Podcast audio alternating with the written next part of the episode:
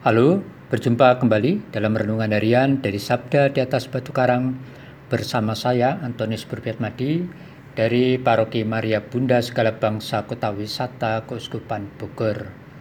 Saudara-saudari yang terkasih, hari ini Selasa tanggal 14 September adalah hari biasa pekan ke-24. Hari ini gereja merayakan pesta salib suci dan juga Santo Yohanes Gabriel de Fruse seorang martir. Bacaan bacaan kitab suci, bacaan pertama diambil dari kitab Bilangan pasal 21 ayat 4 sampai 9. Bacaan kedua diambil dari surat Rasul Paulus kepada jemaat di Filipi pasal 2 ayat 6 sampai 11 dan bacaan Injil dari Injil Yohanes pasal 3 ayat 13 sampai 17 yang demikian bunyinya. Pada suatu hari dalam percakapannya dengan Nikodemus, Yesus berkata, "Tidak seorang pun yang telah naik ke surga selain Dia yang telah turun dari surga, yaitu Anak Manusia."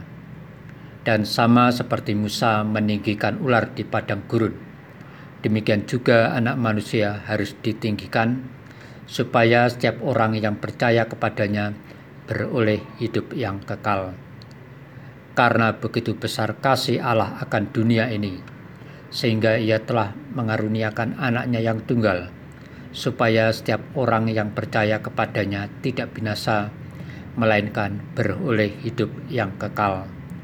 Sebab Allah mengutus anaknya ke dalam dunia, bukan untuk menghakimi dunia, melainkan untuk menyelamatkannya.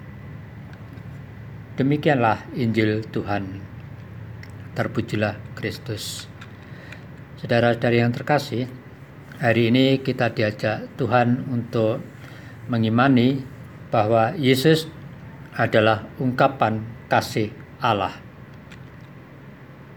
Ada banyak cara untuk mengungkapkan pikiran, kehendak atau perasaan hati kita kepada orang lain.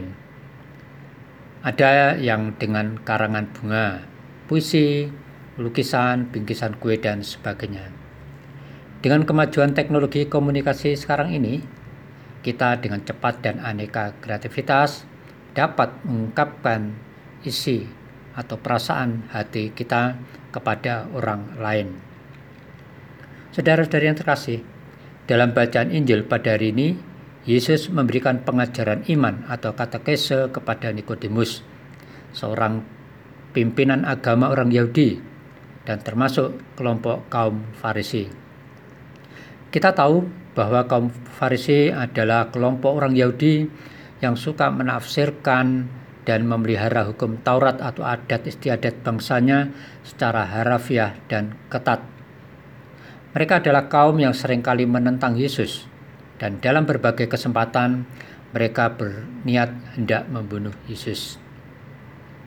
Meskipun sebagai seorang ahli agama dan orang terhormat pun Ternyata seorang yang bernama Nikodemus dengan kerendahan hatinya masih mau berdialog atau bertanya jawab dengan Yesus tentang makna kelahiran kembali manusia dari air dan roh serta tentang Mesias. Saudara-saudari yang terkasih, kepada Nikodemus dan juga kepada kita umatnya, Yesus mengajarkan dan mengatakan bahwa Allah pun memiliki isi hati. Allah ingin mengungkapkan perasaan atau isi hatinya dengan mengutus diri Yesus putra tunggalnya untuk dunia sebagai korban penghapus dosa manusia lewat penderitaan dan wafatnya di kayu salib. Itulah ungkapan hati terdalam dari Allah sendiri yang penuh kasih demi keselamatan dunia. Saudara-saudari yang terkasih, mungkin kita sudah lama menjadi orang Katolik. Namun, Seringkali kita mengalami guncangan iman, bukan? Nah, seperti Nikodemus, mari kita sungguh hati untuk terus mengenal kasih Allah dengan mendalami kitab suci, untuk terus-menerus melakukan percakapan atau dialog pribadi dengan Yesus, agar kita semakin percaya dan beriman kokoh bahwa Yesus Kristus adalah Anak Allah dan satu-satunya penyelamat kita. Ya Yesus, bimbinglah aku untuk lebih mengimanimu, agar aku dapat berjalan menuju keselamatan kekal hingga selamat dalam persekutuan dengan Allah Bapa di surga. Amin.